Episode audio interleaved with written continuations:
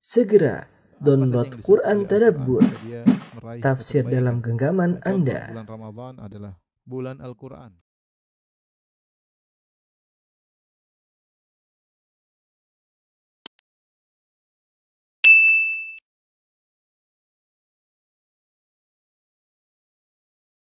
Alhamdulillahi ala ihsani wa syukru lahu ala taufiqihi wa amtinani wa asyhadu an la ilaha illallah wahdahu la syarika lahu ta'ziman li sya'ni wa asyhadu anna Muhammadan abduhu wa da ila ridwani Allahumma salli alaihi wa ala alihi dan akhwat yang dirahmati Allah Subhanahu wa taala kita lanjutkan bahasan kita eh, pada bab berikutnya bab ke-29 babu qada'i hawaijil muslimin. Bab menunaikan kebutuhan-kebutuhan kaum muslimin, ya. Menunaikan kebutuhan-kebutuhan kaum muslimin. Al-Imam Nawawi rahimahullahu taala membawakan ayat dan dalil-dalil di antara ayat yang beliau bawa firman Allah waf'alul khaira la'allahum la'allakum tuflihun. Berbuatlah kebajikan semoga kalian beruntung ya ayat selengkapnya ya ayyuhalladzina amanu ruk'u wasjudu wa'budu rabbakum waf'alul khair la'allakum tuflihun. Berbuatlah kebaikan semoga kalian beruntung. Di sini Allah merintahkan seorang untuk berbuat kebajikan. Dan Ibnu Abbas radhiyallahu taala anhuma ketika menafsirkan ayat ini, beliau menafsirkan yaitu berbuat kebajikan kepada orang lain ya karena sebelumnya Allah sudah mengatakan irka'u wasjudu wa'budu ya. Rukuklah, sujudlah, ibadahlah. Kemudian Allah lanjut waf'alul khair, lakukanlah kebajikan. Berarti kebajikan tersebut terkait dengan orang orang lain. Sebelumnya kebaikan terkait dengan diri sendiri, sujud, rukuk, ibadah. Waf'alul khair yaitu lakukan kebajikan terkait dengan orang lain. La'allakum tuflihun, semoga kalian beruntung. Dan kebajikan apa saja silahkan dilakukan. Ibnu Abbas mengatakan waf'alul khair beliau me, men, apa namanya menafsirkan dengan silaturahim ya. Wa makarimil akhlak. Silaturahim dan makarimul al akhlak. La'allakum tuflihun semoga kalian beruntung likai tas'adu wa tafuzu bil jannah agar kalian bahagia dan kalian masuk surga. Demikian tafsiran para para salaf. Al khair di sini mencakup segala bentuk kebaikan yang bisa kita lakukan. Apa pun kebaikan yang bisa kita lakukan bagi orang lain, maka itu hendaknya kita lakukan dan itu manfaatnya kembali kepada kita. Ingin bahagia, maka bahagiakan orang lain. Oleh karenanya uh, Syekh Abdurrahman bin Nasir As-Sa'di rahimahullah taala mengatakan sumber kebahagiaan atau pondasi kebahagiaan kembali kepada dua perkara. Pertama, ikhlas kepada Allah yang kedua berbuat baik kepada orang lain. Kalau Anda ingin bahagia, kumpulkan dua perkara ini Anda akan bahagia. Pertama, ikhlas kepada Allah Subhanahu wa taala, yang kedua berbuat baik kepada uh, orang lain. Al jaza menyisil amal, balas sesuai dengan perbuatan. Anda membuat orang bahagia, niscaya Anda juga dibahagiakan oleh oleh uh, Allah Subhanahu wa taala. Dan orang yang paling bahagia Nabi sallallahu alaihi wasallam karena dia adalah orang yang paling semangat memberi kebaikan kepada manusia. Karena kita dapati ya sebagian orang senang berbuat kebaikan. Ya, meskipun di situ dia ada yang dia korbankan, entah waktunya, entah hartanya, ya, entah tenaganya, ya, dia korban, tapi dia kecanduan. Dia kecanduan. Kenapa? Ada kebahagiaan yang dia rasakan. Ada kebahagiaan yang dirasakan. Kebahagiaan itu mungkin tidak bisa diungkapkan, tapi Allah kasih kebahagiaan pada dirinya sehingga dia semangat berbuat kebaikan kepada orang lain. Ya. Namun tadi semua harus dikerjakan dengan dengan ikhlas. Jadi waf'alul khair lakukan kebajikan apa pun. Selama itu baik lakukan. Terutama terkait dengan kebutuhan orang lain. Terutama terkait dengan kebutuhan orang orang lain. Baik, kita masuk pada hadis yang pertama. Di sini Al-Imam Nawawi rahimahullah taala membawakan dua hadis. Hadis pertama, Wan Ibnu Umar radhiyallahu taala anhuma anna Rasulullah sallallahu alaihi wasallam dari Ibnu Umar bahwasanya Rasulullah SAW bersabda, "Al muslimu akhul muslim." Seorang muslim adalah saudara bagi muslim lainnya. La yadhlimuhu. Dia tidak boleh menzalimi saudaranya tersebut. Wala yuslimuhu dan juga tidak menyerahkan saudaranya kepada musuh. Man kana fi hajati akhihi, siapa yang memenuhi keperluan saudaranya, kana Allahu fi hajatihi, maka Allah selalu memenuhi kebutuhannya juga. Wa man farraja an muslimin kurbatan, siapa yang melonggarkan penderitaan seorang muslim, farrajallahu anhu biha kurbatan min kurabi yaumal yaumil qiyamah. Maka Allah akan ringankan penderitaan yang akan dia hadapi pada hari kiamat kelak. Wa man satara musliman, siapa yang menutup aib seorang muslim, satarahullahu yaumal qiyamah. Maka Allah akan menutup aibnya pada hari kiamat. Muttafaqun alaih, hadis riwayat Al-Imam Al-Bukhari dan Al-Imam Muslim ya. Di sini konsekuensi dari memenuhi kebutuhan saudara adalah konsekuensi dari persaudaraan sama muslim. Kalau Anda muslim, dia muslim, Anda mampu untuk membantu, kenapa tidak bantu? Apa pun hajatnya, kebutuhannya. Apalagi hajatnya sampai pada tingkat darurat. Bahkan para ulama mengatakan kalau saudara kita dalam kondisi darurat dan kita mampu, maka wajib bukan sunnah lagi, wajib bagi kita untuk membantunya. Misalnya, Syekh Utsaimin rahimahullah memberi contoh misalnya ada seorang dia sangat lapar, kalau dia tidak makan dia bisa meninggal dunia. Sementara kita ada makanan, dia boleh ngerebut makanan dari tangan kita, boleh. Kenapa? Karena wajib bagi kita untuk membantu dia karena kondisinya darurat. Jadi terkait dengan hidup dan matinya, kondisinya darurat. Eh, kebutuhan yang kedua, yang tidak darurat, maka disunahkan bagi kita untuk membantu saudara kita. Yang tidak darurat, ya kebutuhan, ada keperluan, kita temani dia ke mana, dia ada keperluan apa, kita bantu selama kita bisa lakukan. Ya, karena itu adalah perbuatan kebajikan. Dan Allah akan balas hal tersebut, ya. Makanya Allah mengatakan mangkana fi hajati akhihi. Siapa yang sedang membantu saudaranya, kana Allah fi hajati, maka Allah akan membantu keperluannya. Suatu saat dia akan dalam kondisi yang sulit dan yang membantunya adalah Allah Subhanahu wa taala. Uh, kemudian Rasulullah SAW juga menyebutkan siapa yang meringankan beban penderitaan seorang muslim, maka Allah dengan peringanan tersebut Allah akan meringankan bebannya pada hari kiamat kelak dan siapa menutup aib seorang muslim Allah akan tutup aibnya pada hari kiamat kelak. Ini sudah kita bahas pada pertemuan sebelumnya. Hadis berikutnya wa an Abi Hurairah radhiyallahu anhu Anin Nabi sallallahu alaihi wasallam qal dari Nabi sallallahu alaihi wasallam beliau bersabda, "Man naffasa an mu'minin kurbatan min kurabid dunya." Siapa yang melapangkan uh, penderitaan seorang mukmin di dunia, naffasallahu anhu kurbatan min kurabi yaumil yaumil qiyamah. Allah akan melapangkan juga atau meringankan penderitaan yang akan dihadapi pada hari kiamat kelak. Uh, di sini nafasa berasal dari tanfis. Seperti seorang yang tadi nafasnya susah, kemudian menjadi lega. Sehingga para ulama menjelaskan ketika seorang membantu saudaranya, tidak harus penderitaan saudaranya tersebut hilang, tidak harus. Dia meringankan penderitaan saudaranya saja itu sudah mendatangkan pahala yang besar, apalagi sampai menghilangkan. Cukup meringankan karena nafas tadinya sulit bernapas kemudian bisa agak lega, meskipun masih ada sesak. Tapi kalau dia bantu saudaranya menghadapi penderitaan dengan meringankan, maka itu sudah dapat pahala yang yang. Jadi tidak tidak harus penderitaan tersebut hilang.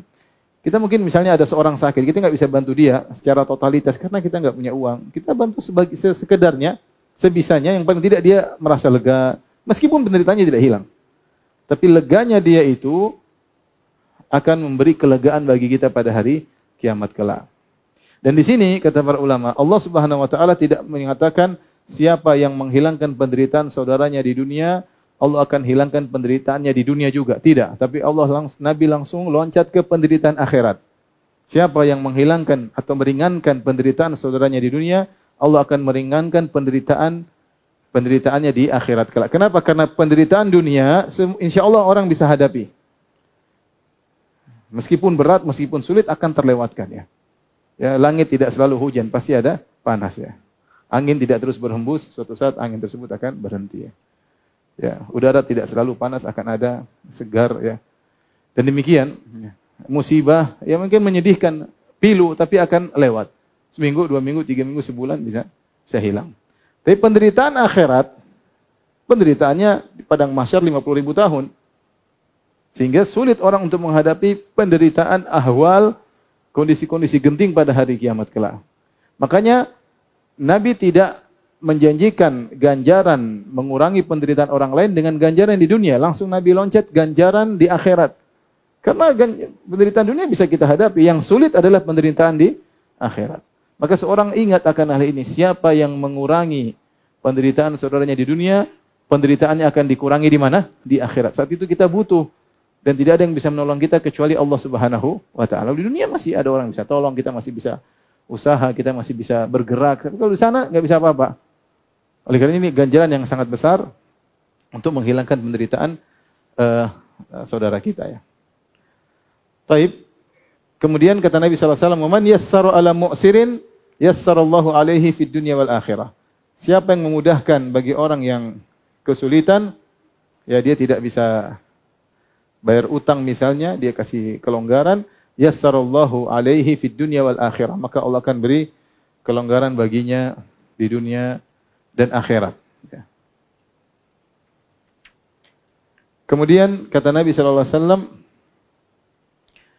"Wallahu uh, wa man satara musliman satarahu Allahu fid dunya wal akhirah." Siapa yang menutup aib seorang muslim, Allah akan tutup aibnya di dunia dan di akhirat. Wallahu fi aunil abdi maka al abdu fi auni akhihi. Allah senantiasa menolong seorang hamba selama seorang hamba menolong saudaranya. Wa man salaka tariqan yaltamisu fihi ilman. Siapa yang menempuh satu jalan untuk mencari ilmu, sahalallahu lahu tariqan ilal jannah. Allah akan mudahkan jalannya menuju surga. Wa majtama'a qaumun fi baitin min buyutillahi ta'ala yatluna kitab Allah. Tidaklah suatu kaum mereka berkumpul di salah satu dari rumah-rumah Allah. Mereka membaca Al-Qur'an. Wa yatadarasunahu bainahum. Kemudian mereka pelajari Al-Qur'an tersebut di antara mereka.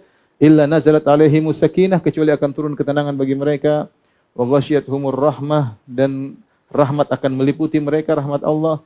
Wa haffathumul malaikah malaikat juga akan meliputi mereka. Wa dzakarahumullahu fi man indah dan Allah akan memuji mereka di sisi para malaikat. Wa man batta'a bihi amaluhu siapa yang lambat amalnya lam yusri' bihi nasabuh maka tidak ada manfaat nasabnya yang tinggi. Rawahu muslim Baik, tadi sudah kita jelaskan tentang keutamaan orang yang meringankan uh, penderitaan saudaranya, Allah akan meringankan penderitaannya di akhirat. Berikutnya, wa man yassara ala mu'sir. Mu'sir ini apa? Orang yang berhutang sama kita dan dia tidak tidak bisa bayar. Kata para ulama, hukumnya wajib kalau ada orang punya hutang sama kita, kita sudah berbuat baik sama dia dengan memberi hutang kepada dia, kita dapat pahala ya. Dalam hadis kata Nabi sallallahu alaihi wasallam, as-salafu yajri majra syatri sadaqah memberi hutang pahalanya seperti setengah sedekah. Kalau antum pinjamin orang eh, seratus ribu seperti antum bersedekah lima puluh lima puluh ribu. Ketika jatuh tempo, kemudian kita tagih, ternyata dia dalam kondisi sulit. Kita tahu dia sulit, ya, bukan sok sulit ya. Dia memang sulit. Maka wajib bagi kita untuk memberi kelonggaran bagi dia sampai dia bisa membayar. Ya. Kata Allah Subhanahu Wa Taala, ya, uh, wa in kana usratin fanadhiratun ila maisarah jika seorang yang berhutang tersebut dalam kondisi sulit, fanadhiratun ila maisarah maka wajib untuk ditunda sampai dia dalam kondisi lapang.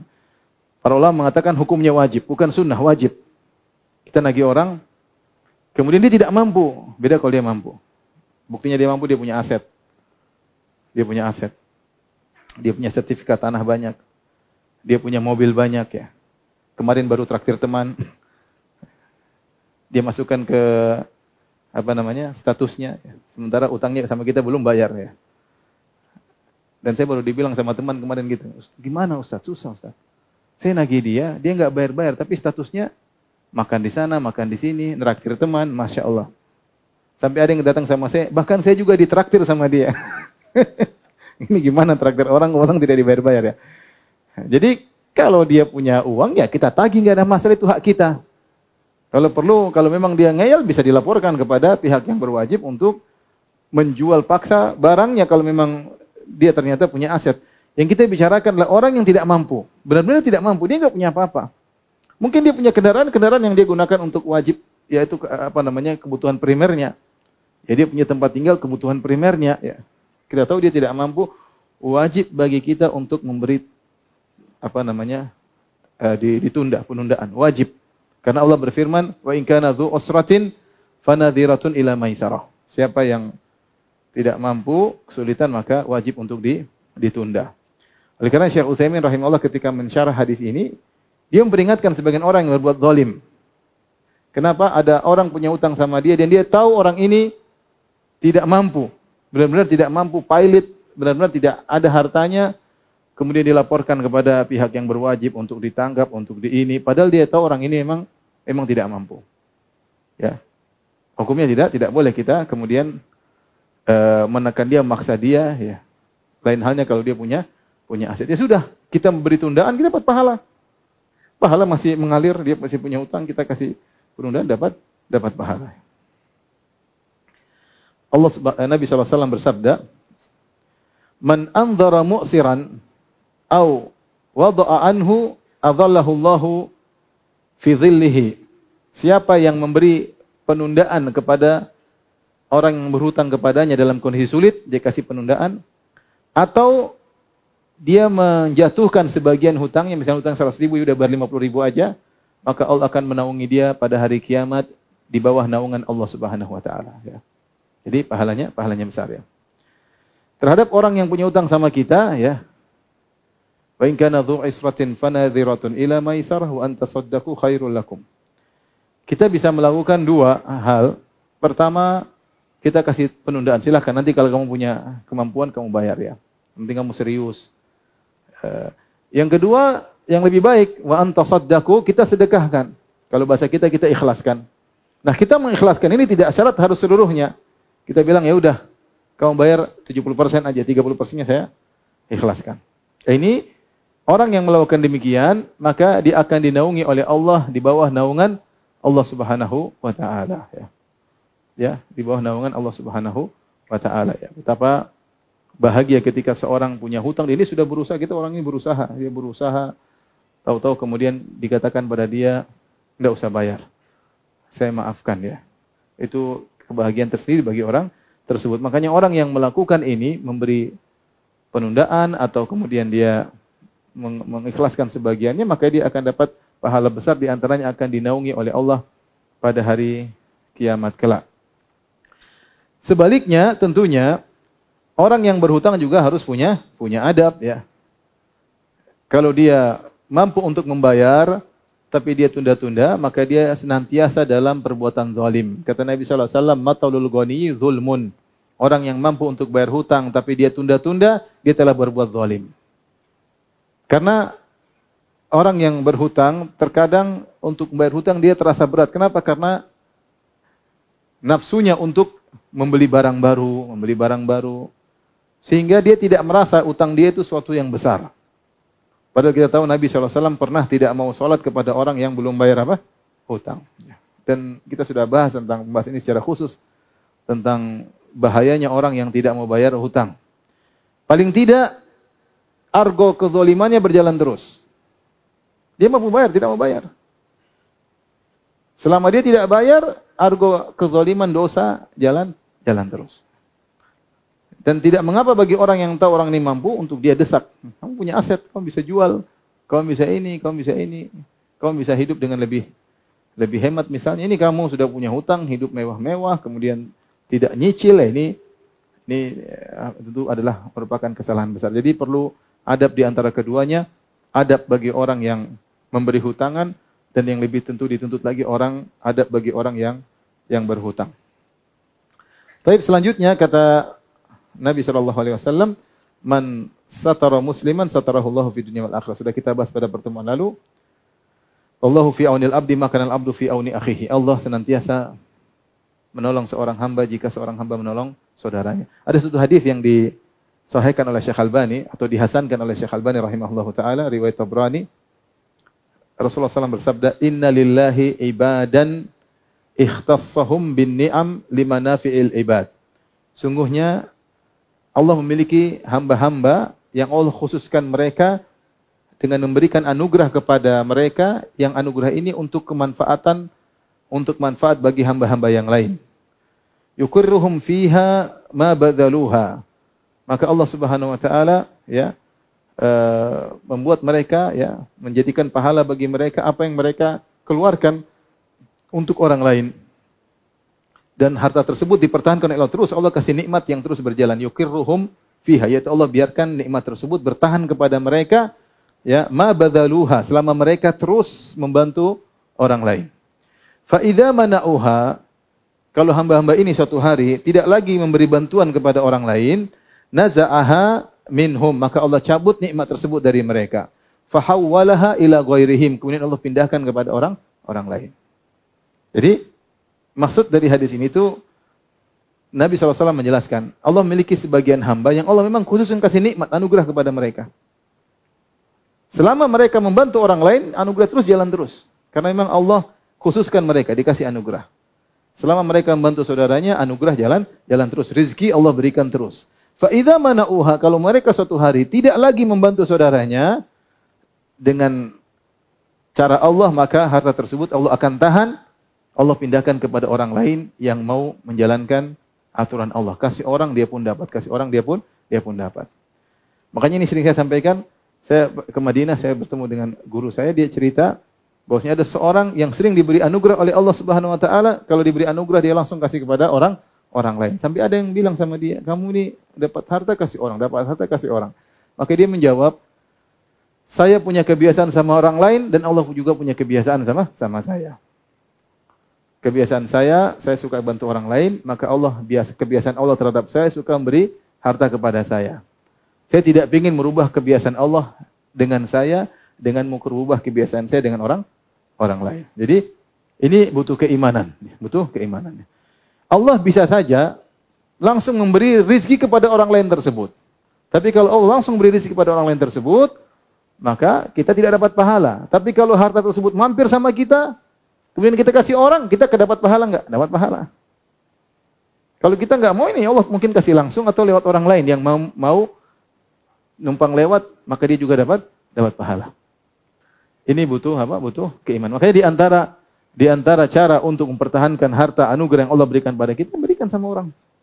Kalau Anda selama ini punya kebiasaan bantu orang lain, ya tentunya niat kita karena Allah, tapi tidak jadi masalah ya. Di antara niat duniawi agar menjaga harta kita. Anda punya kebiasaan kasih orang, kebiasaan bantu orang.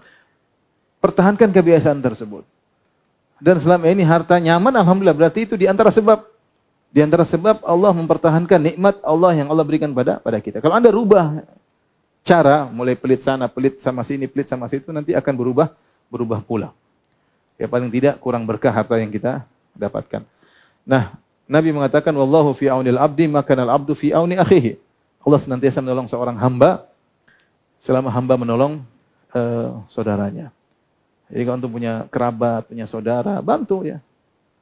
Bisa jadi Allah kasih rezeki untuk kerabat antum lewat antum. Kalau antum berhenti, nanti berhenti juga. Ya. Lanjutkan saja, kebiasaan lanjutkan.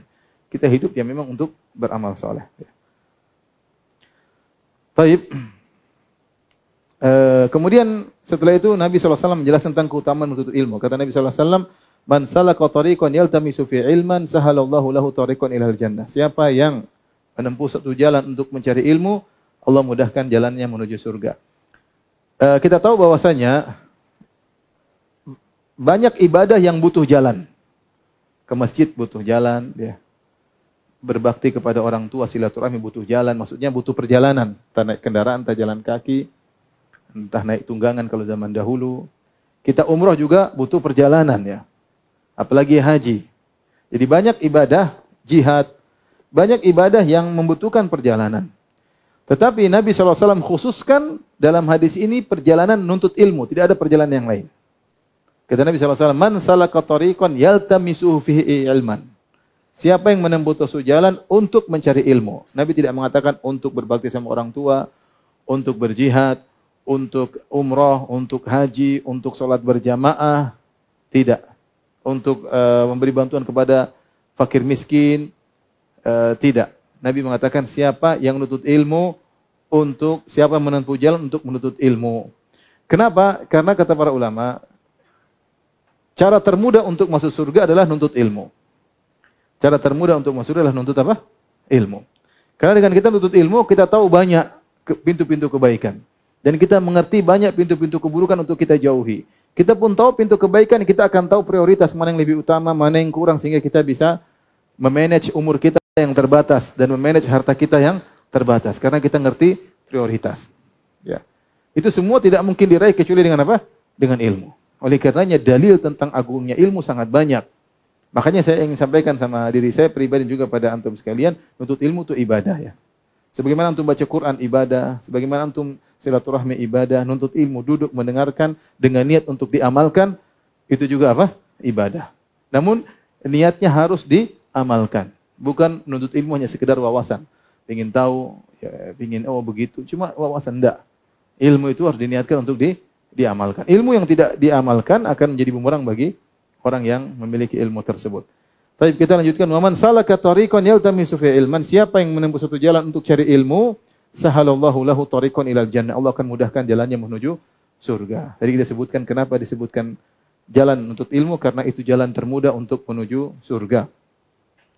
Setelah itu uh, Nabi menyebutkan di antara contoh menuntut ilmu adalah berkumpul di masjid untuk belajar Al-Qur'an.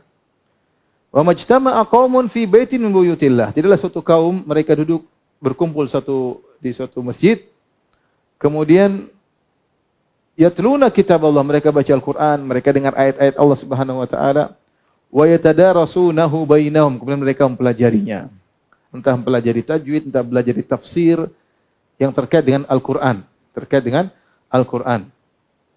Illa nazalat alaihi musakinah, maka akan turun bagi mereka ketenangan. Wa ghasyiyatuhumur rahmah. Dan mereka akan diliputi dengan rahmat Allah Subhanahu wa taala. Wa hafathumul malaika. Malaikat akan memenuhi mereka. Malaikat mencari majelis-majelis ilmu. Majelis-majelis zikir, majelis-majelis Quran, ya, majelis-majelis tafsir, malaikat senang kumpul. Wa dzakarahumullahu fiman indah. Dan Allah akan menyebut-nyebut mereka di sisi makhluk yang ada di sisi Allah itu maksudnya di sisi malaikat. Jadi Allah banggakan mereka di hadapan malaikat ya.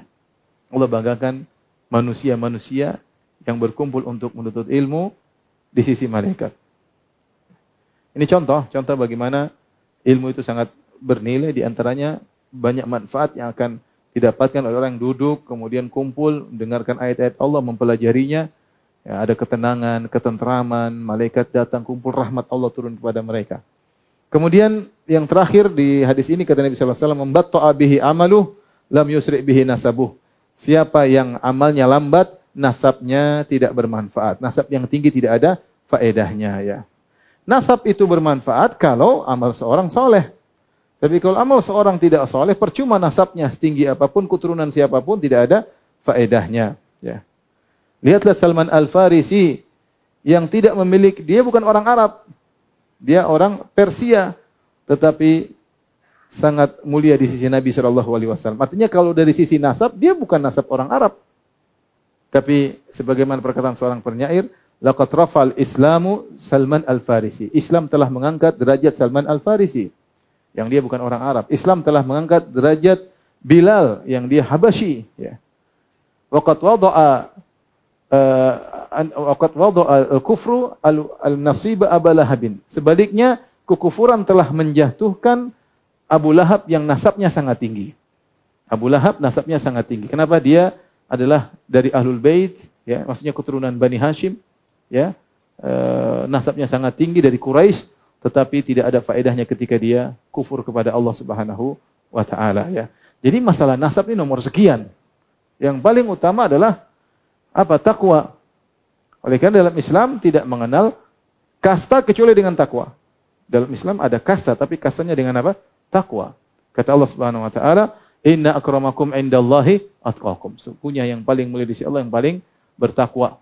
Kata Nabi SAW dalam hadisnya, Kullukum min Adam wa Adam min turab. Kalian semuanya dari Adam dan Adam dari tanah. La fadla li Arabi ala ajami. Tidak ada kemuliaan orang Arab di atas orang non-Arab. Walal ajami ala Arabi. Dan tidak ada keistimewaan non-Arab, non-Arab terhadap orang Arab. Enggak ada. Walal ahmar alal aswad, walal aswad alal ahmar. Tidak ada keistimewaan orang berkulit putih di atas orang berkulit hitam. Dan tidak ada keistimewaan di atas bagi orang kulit hitam di atas orang kulit kulit putih. Illa bittaqwa. Kecuali dengan apa? Takwa. Kecuali dengan takwa. Ya. Manusia punya barometer untuk menilai orang secara duniawi ada. Dia menilai orang dengan lihat kekayaannya. Orang ini kita hormati orang kaya, orang ini karena ganteng, orang ini karena cantik, orang ini karena tapi itu bukan standar Allah. Standar Allah takwa. Standar Allah adalah takwa. Maka jangan orang terpedaya dengan nasabnya. Saya keturunan ini, keturunan raja ini, keturunan ningrat ini, raden ini ya. Tidak ada faedahnya. Tidak ada faedahnya kalau tidak disertai dengan ketakwaan. Percuma. Maka seorang berusaha ya, apa namanya? bertakwa kepada Allah Subhanahu wa taala. Baik. Uh, kita lanjutkan bab berikutnya babus syafa'ah. Bab tentang syafaat. Ini masih kelanjutan dari bab sebelumnya namun lebih spesifik. Maksud syafaat di sini artinya membantu orang lain dengan memberi syafaat. Jadi kita bisa bantu orang dengan banyak model. Bisa dengan harta, ya, bisa dengan tenaga, di antaranya dengan kata-kata. Kata-kata adalah syafaat. Apa bahasa Indonesia-nya? Uh, apa? Bukan motivasi, bukan. Jadi misalnya ada orang saya bilang, eh, saya bilang sama perusahaan ini orang ini baik, saya bantu ngomong. ya kira-kira itulah rekomendasi.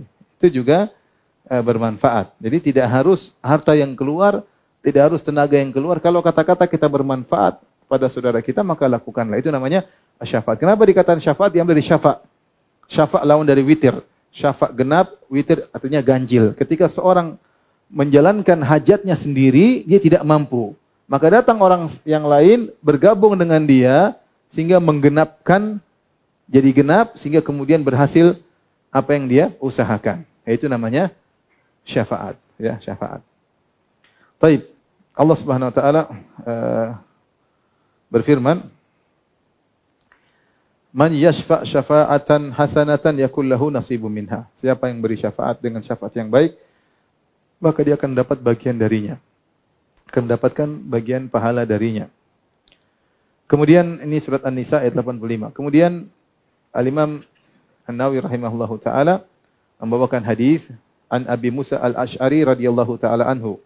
Qala dari Abu Musa Al-Asy'ari radhiyallahu anhu beliau berkata, "Kana Nabi sallallahu alaihi wasallam idza atahu talibu hajatin" Kalau ada seorang datang kepada Nabi punya keperluan, dia punya keperluan, minta tolong kepada Nabi sallallahu alaihi wasallam.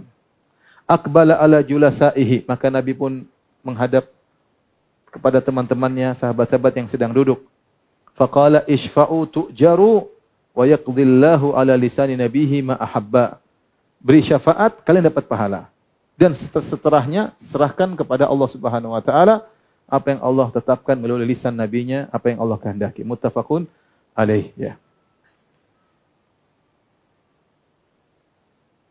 Ini hadis riwayat Muslim. Dalam Sahih Bukhari uh, lafalnya idza ja'ahu sa'il au tulibat ilaihi hajatun. Dalam Sahih Bukhari kalau ada seorang yang minta tolong kepada Nabi atau minta sesuatu kepada Nabi atau ada keperluan diminta kepada Nabi.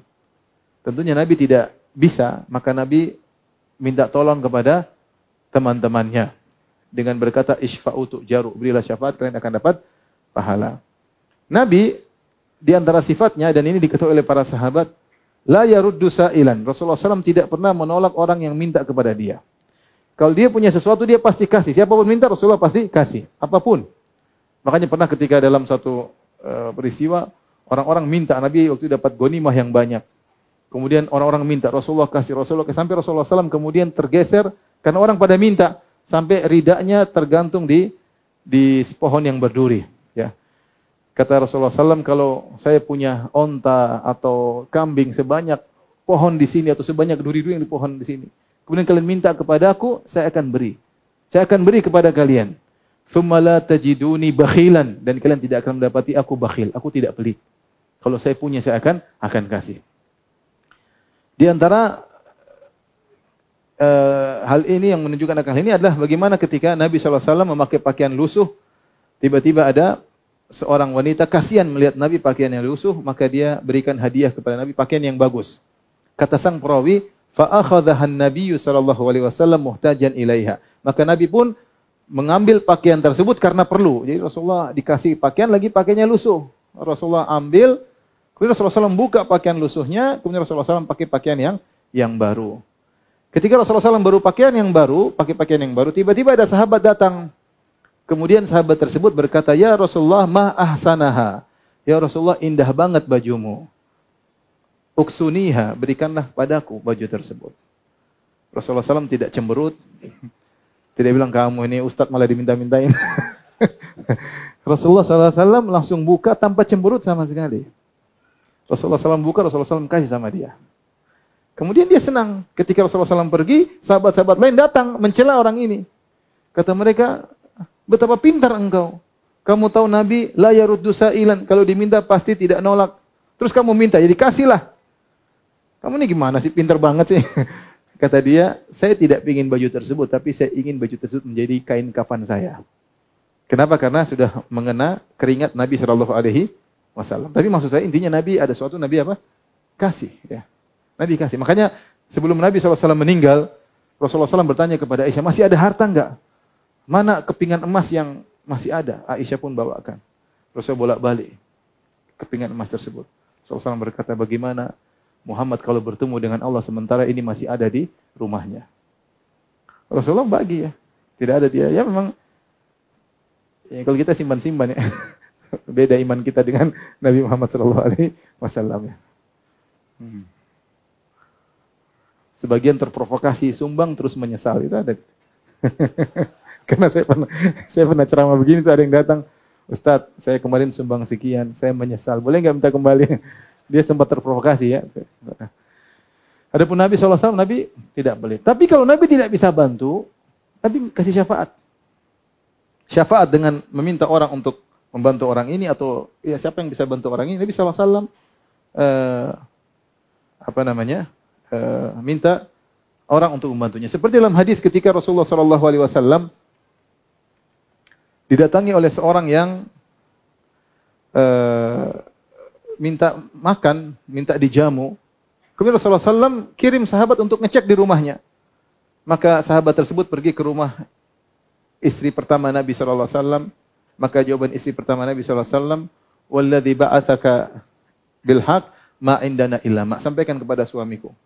Demi Allah yang mengutus engkau dengan kebenaran. Di rumah tidak ada tidak ada kecuali cuma air putih. Gimana mau jamu tamu? Pergilah dia ke istri berikutnya.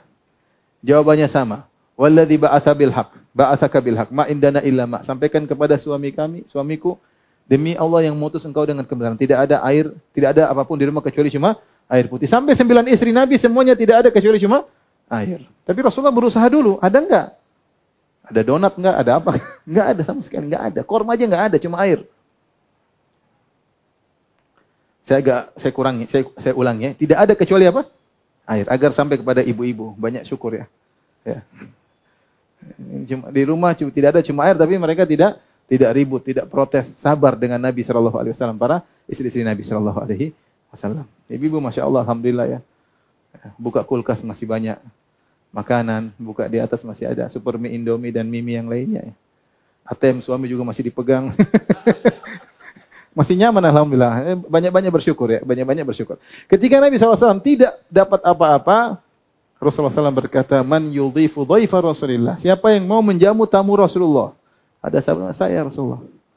Ini Rasulullah minta tolong atau tidak? Minta tolong. Tapi bukan buat dirinya. Tapi buat apa? Orang? Orang. Namanya memberi syafaat. Memberi syafaat. Agar bisa terbantu orang uh, tersebut. ya. Kalau kita berusaha, kalau ada yang nggak bantu ya sudah. Tapi Rasulullah berusaha. Seperti tadi, ada yang datang kepada Nabi SAW, Rasulullah mengatakan, Ishfa'u jaru. Kasih syafaat. Eh, bantu orang ini, niscaya kalian akan dapat apa? Pahala. Ya, aku bantu dengan bisa bantu dengan uh, harta, bisa jadi dengan tenaga, bisa bantu hanya dengan kata-kata. Dengan kata-kata. Ya. Tapi berikutnya, Wan ibni Abbasin radhiyallahu taala anhuma fi qis fi qissati Barirah wa zawjiha. Dari Ibnu Abbas radhiyallahu anhuma tentang kisah Barirah dan suaminya. Barirah ini adalah seorang budak yang dimerdekakan oleh Aisyah radhiyallahu taala Aisyah beli karena dia punya dia apa namanya mem, mem, mem, memerdekakan dirinya. Jadi namanya dia membeli dirinya dari tuannya. Dia tidak mampu maka Aisyah bantu. Akhirnya Aisyah bayarkan sehingga Barirah dari budak kemudian menjadi wanita merdeka. Ketika dia budak, dia punya suami yang juga budak. Dia punya suami yang juga apa? Budak.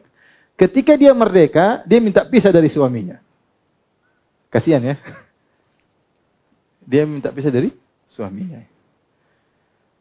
Maka suaminya nangis karena dia tidak mau lagi sama suaminya. Sampai suaminya nangis, datang pada Nabi Shallallahu Alaihi Wasallam, minta dibantu. Ya Nabi bantu. Maka Nabi datang kepada Barirah. Nabi berkata kepada Barirah, "Lau raja'tihi." Wahai Barirah, seandainya kau kembali kepada suamimu. Suaminya nangis ya, sampai air mata mengalir di jenggotnya, nangis karena istrinya sudah merdeka, dia masih apa? Budak. Sudah merdeka, istrinya minta pisah. Itu hak Barirah. Maka suaminya, Nabi bilang, Lau raja'tihi. Bagaimana kalau seandainya aku kembali kepada suamimu? Barirah bertanya, Ya Rasulullah, tak muruni, ini perintah ya Rasulullah. Perintah saya harus kembali kepada suamiku. Kalau perintah saya kembali, kata Nabi SAW, bukan. Innama ana ashfa. Hanya kasih ide, syafaat. Siapa tahu kau mau kembali kepada suamimu. Kata Barirah, la hajatali fihi. Aku tidak butuh lagi dengan suamiku. yang penting bukan, ini perintah bukan Rasulullah. Bukan, kalau enggak, enggak lah. Tapi maksudnya Rasulullah SAW berusaha. Bahkan budak pun Rasulullah SAW berusaha untuk apa? Bantu. Kalau bisa bantu dengan paksa Rasulullah, tapi ini bukan wewenang Nabi SAW. Maka Nabi berusaha bantu dengan apa? Rekomendasi, dengan syafaat. Tapi rekomendasi Nabi diterima atau tidak? Tidak. Karena Badr tanya, ini perintah bukan? Bukan. Kalau bukan, enggak. Enggak mau. Ya, ini yang disebut dengan syafaat seorang uh, tentu tapi syafaat itu harus dibangun di atas kejujuran ya. Tidak boleh dia dusta rekomendasi orang yang tidak pantas. Tidak boleh. Itu namanya syafaat sayyi'ah. Kita hanya boleh memberi man yashfa' syafaatan hasanah, syafaat yang baik. Kita rekomendasi orang ini benar, setahu saya begini, begini, begini, Allah hasibu, Allah lebih tahu tentang dirinya. Tapi kalau dia nggak baik, nggak boleh kita bohong. Kalau kita bohong berarti kita telah memberi rekomendasi uh, keburukan. Kemudian Syekh Utsaimin rahimahullah menjelaskan tentang macam-macam syafaat. Syafaat yang pertama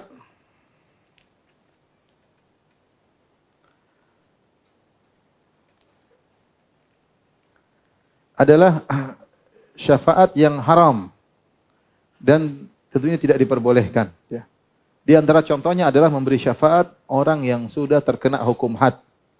Ya, dia sudah dihukum terkena hukum had, apakah akan dirajam atau akan dipotong tangannya atau akan dibunuh karena membunuh orang lain. Maka tidak boleh bagi seorang memberi syafaat bagi orang yang datang pergi ke penguasa, ngerayu-rayu supaya hukumannya digugurkan. Tidak boleh. Ya, ini tidak diperbolehkan. Kalau suatu permasalahan sudah sampai kepada imam, kalau dalam hukum Islam, sudah sampai kepada penguasa, maka harus ditegakkan. Tidak boleh di, di, di apa, digagalkan ya. Uh, di zaman Nabi SAW, ada seorang wanita dari Bani Makhzum. Bani Makhzum itu suku Quraisy yang hebat. Quraisy sukunya banyak. Di antara suku Quraisy yang hebat, Bani Hashim dan Bani Makhzum. Bani Hashim yaitu kabilahnya Nabi SAW. Bani Makhzum kabilahnya Abu Jahal. Abu Jahal itu Makhzumi. Nabi SAW Al-Hashimi. Ini dua kabilah yang selalu bersaing. Tapi inilah dua kabilah yang paling top di Quraisy. Ternyata ada seorang wanita dari Bani Makhzum yang dia mencuri. Dia mencuri.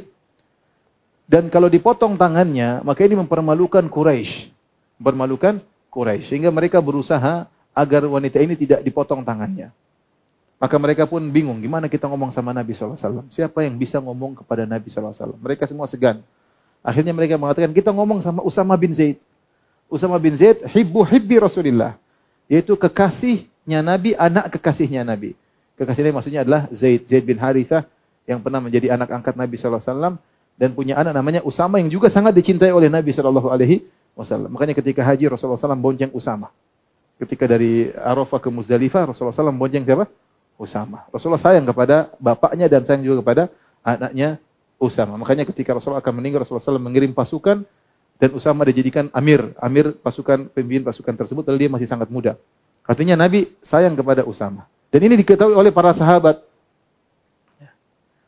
Kata mereka, sudah kita bilang Usama untuk menyampaikan kepada Nabi. Akhirnya Usama pun datang kepada Nabi Shallallahu Alaihi Wasallam agar Nabi tidak memotong tangan wanita ini karena wanita ini adalah dari Bani Makhzum, sukunya tinggi, nasabnya tinggi, nanti kita Quraisy malu. Maka Nabi pun marah. Nabi SAW berkata kepada Usama dan pada Usama sangat dia cintai. Dia mengatakan, Atashfa' fi haddin min hududillah. Apakah kau ingin memberi syafaat untuk menggagalkan pelaksanaan hukum had wahai Usama? Rasulullah SAW marah.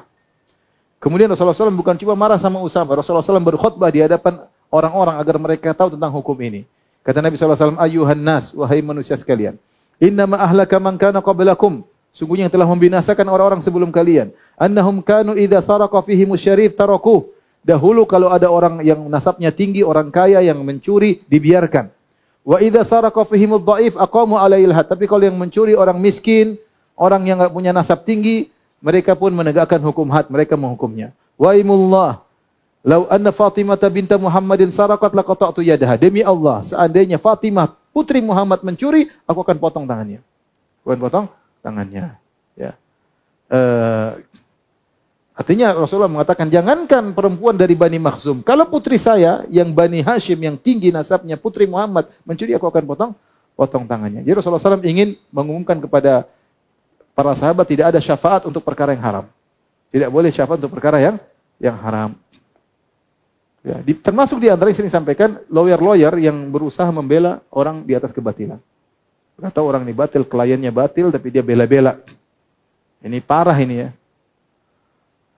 Dan lawyer-lawyer begitu memang duitnya banyak ya. Semakin yang dibela penjahat besar, semakin banyak apa? Duitnya ya. ya tapi duit bikin dia masuk neraka jahanam. Rasulullah SAW bersabda, "Man halat syafa'atu duna haddin min hududillah, faqad Allah fi amri." Siapa yang sengaja memberi syafaat agar menggagalkan penegakan hukum had, maka dia telah apa namanya? berkontradiksi atau memusuhi Allah Subhanahu wa taala.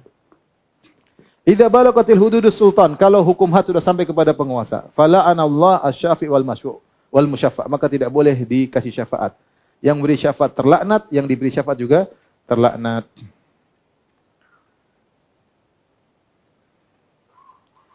Demikian juga syafaat yang haram. Tadi kalau syafaat uh, syafaat pada perkara yang haram juga di antaranya seperti seorang memberi syafaat kepada orang lain yang melakukan kriminal atau melakukan uh, kezaliman kepada orang lain.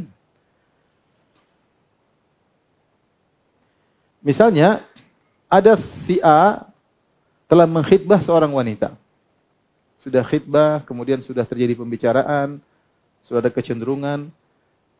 Si A ini berkhidbah melamar wanita. Kemudian si B pingin masuk. Kemudian dia minta tolong kepada si C. Wahai C, tolong sampaikan ke bapaknya sang wanita itu. Saya pingin ngelamar anaknya. Si C ini tidak boleh bantu dia.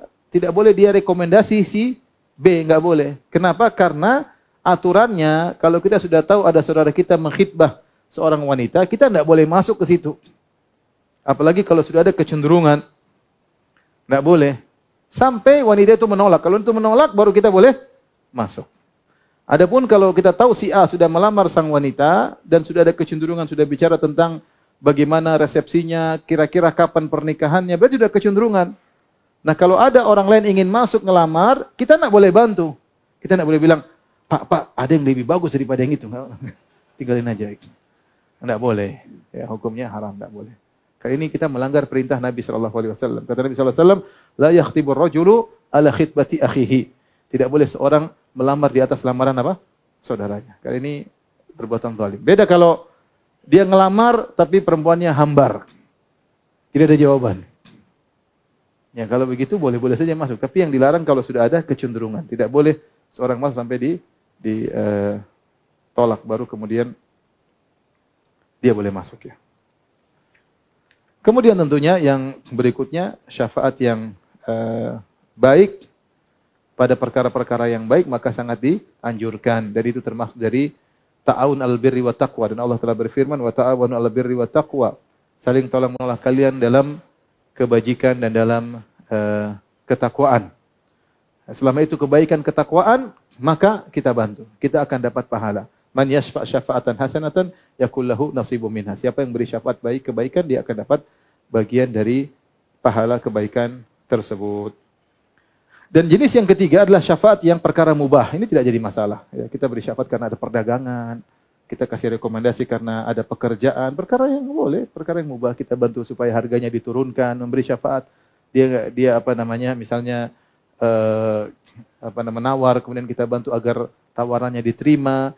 Ini eh, perkara mubah dan kita juga dapat pahala. Kita juga dapat pahala karena itu merupakan perkara kebaikan dan kita membantu keperluan orang lain. Ya, inilah tiga model syafaat. Pertama syafaat yang haram, yang kedua syafaat yang sunnah, artinya yang kebaikan. Kita membantu perkara. Yang ketiga syafaat yang mubah. Perkara syafaat yang mubah itu perkara-perkara yang dibolehkan, itu pun dapat uh, pahala dari Allah Subhanahu wa taala karena kita membantu uh, kebutuhan orang uh, orang lain ya. Taib, ini saja ikhwan dan akhwat yang rahmati Subhanahu wa taala, dua bab yang bisa kita sampaikan pada kesempatan kali ini insyaallah kita lanjutkan pekan depan. Taib wabillahi wal hidayah. Assalamualaikum warahmatullahi wabarakatuh.